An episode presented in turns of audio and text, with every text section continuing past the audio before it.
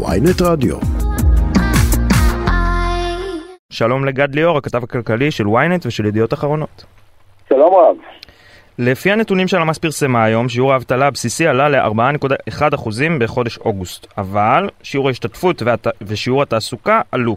מה המשמעות של זה? א', המשמעות היא שאם עובדים יותר אז המשק לא בהאטה ולא במיתון. אם יש יותר תעסוקה, אז אנחנו במצב לא רע. אבל בחודשי הקיץ מפטרים אנשים.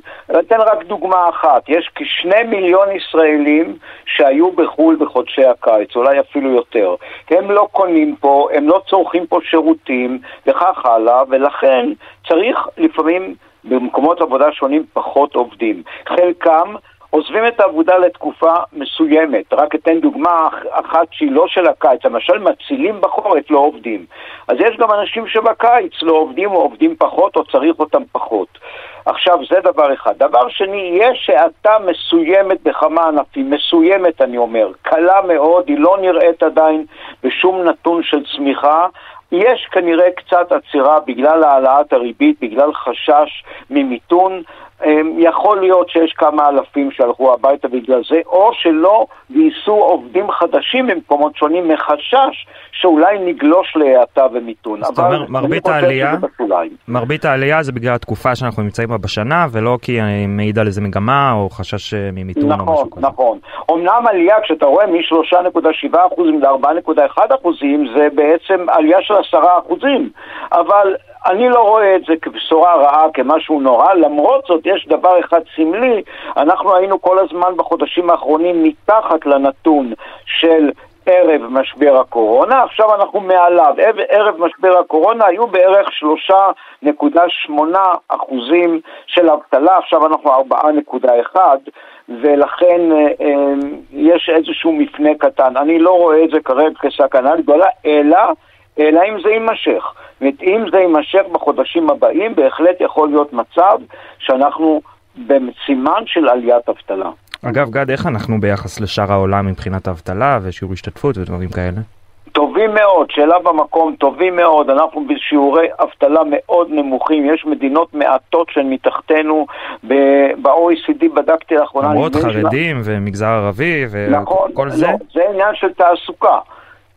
בכוח כן. אדם אנחנו בין האחרונים בעולם, זאת אומרת, במספר האנשים במדינת ישראל שנמצאים בכוח העבודה, מה זה אומר? נסביר רגע, כוח העבודה הוא מי שעובד ומי שמחפש עבודה. לצערנו הרב, אני מעגל קצת את המספרים, כמחצית הנשים הערביות וכמחצית הגברים החרדים לא נכללים בכוח העבודה. זה הרבה, כי הם הרבה מאות אלפים. ולכן אנחנו על קצת יותר מ-60 אחוז, וזה נתון מאוד נמוך. יחד עם זאת, מתוך אלה שכן רוצים לעבוד, אנחנו בשיעורי אבטלה מאוד נמוכים יחסית לעולם. בדקתי לאחרונה, היינו מקום שביעי במדינות ה-OECD לטובה השביעי. זאת אומרת, יש תחתינו כן. 27 מדינות עם נתוני אבטלה קשים מאוד. כלומר, אתה אומר, סך הזה... האנשים שעובדים נמוך יחסית, אבל מבין מי שעובד, האבטלה מאוד נמוכה.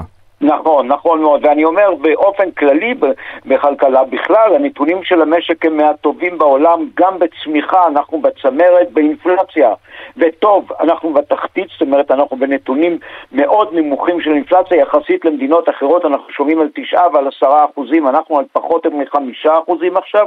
בסך הכל, איך נאמר, מצב המשק הישראלי לא רע, מצב האזרחים קצת פחות טוב.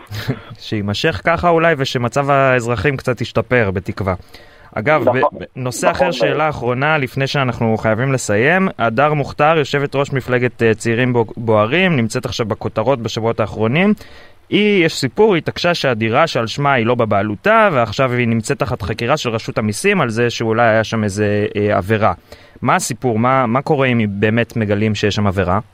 תראה, בין היתר היא צעקה כמה חודשים שאין לה דירה, מתברר נכון. שיש לה.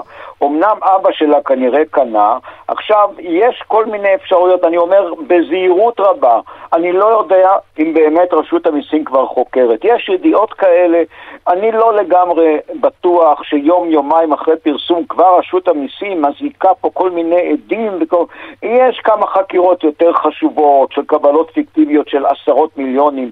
מדובר פה בדירה שעלתה 800 אלף, משהו כזה, בדירה קטנה, שאגב, כנראה שאם היא מושכרת, וכנראה מושכרת, היא מושכרת בפחות מ-5,000 שקל, זאת אומרת לא צריך לשלם עליה מס, יכול להיות שנעשתה פה עבירה של רישום כוזב, או משהו, אני אומר יכול להיות, חס כן. וחלילה, אני לא רוצה שיתפו בוא, בוא, בוא נצא שנייה מהדר ספציפית, מה קורה כאשר מישהו רושם באופן uh, כוזב דירה על שמו, הוא, הוא, זה, זה דין פלילי, זה קנס, מה, מה יכול לקרות זאת עבירה, אם הוא מרמה, זאת עבירה, אתן לך דוגמה, נגיד, סתם ניתן דוגמה, הוא רוצה להשתתף במחיר למשתכן, אבל יש לו כבר דירה. אז הוא את הדירה ההיא מעביר למישהו, נגיד לבן, לסבתא, למישהו, ואז רוכש דירה. זה, זה מעשה מרמה, כי אסור. אז אם מישהו רשם דירה מבלי להודיע על שם אדם אחר, ואולי הוא גם לא עדכן את הרשויות, אולי הוא עשה איזה תרגיל, תרגיל מיסוי, צריך לחקור את זה. אני חושב שזו חקירה, במקרה הזה, ברמה מאוד נמוכה של עבירה, ברמה מאוד נמוכה של חשיבות. יש לרשות המיסים חקירות הרבה יותר חשובות. כן. נכון, השם שלה עלה לחדשות, היא מסתבכת כל הזמן, פעם היא מדפיסה פשקבילים, ופעם... אה, כן, אה, בחורה בת 20, הרבה מאוד אנרגיה, בחורה מאוד נחמדה, כן. אבל אולי היא עוד לא בדיוק מבינה איפה היא נמצאת. פוליטיקה זה לא משחק. טוב, גד, תודה רבה לך, גד ליאור, הכתב הכלכלי של ynet וידיעות אחרונות, תודה לך שהיית איתנו. תודה רבה.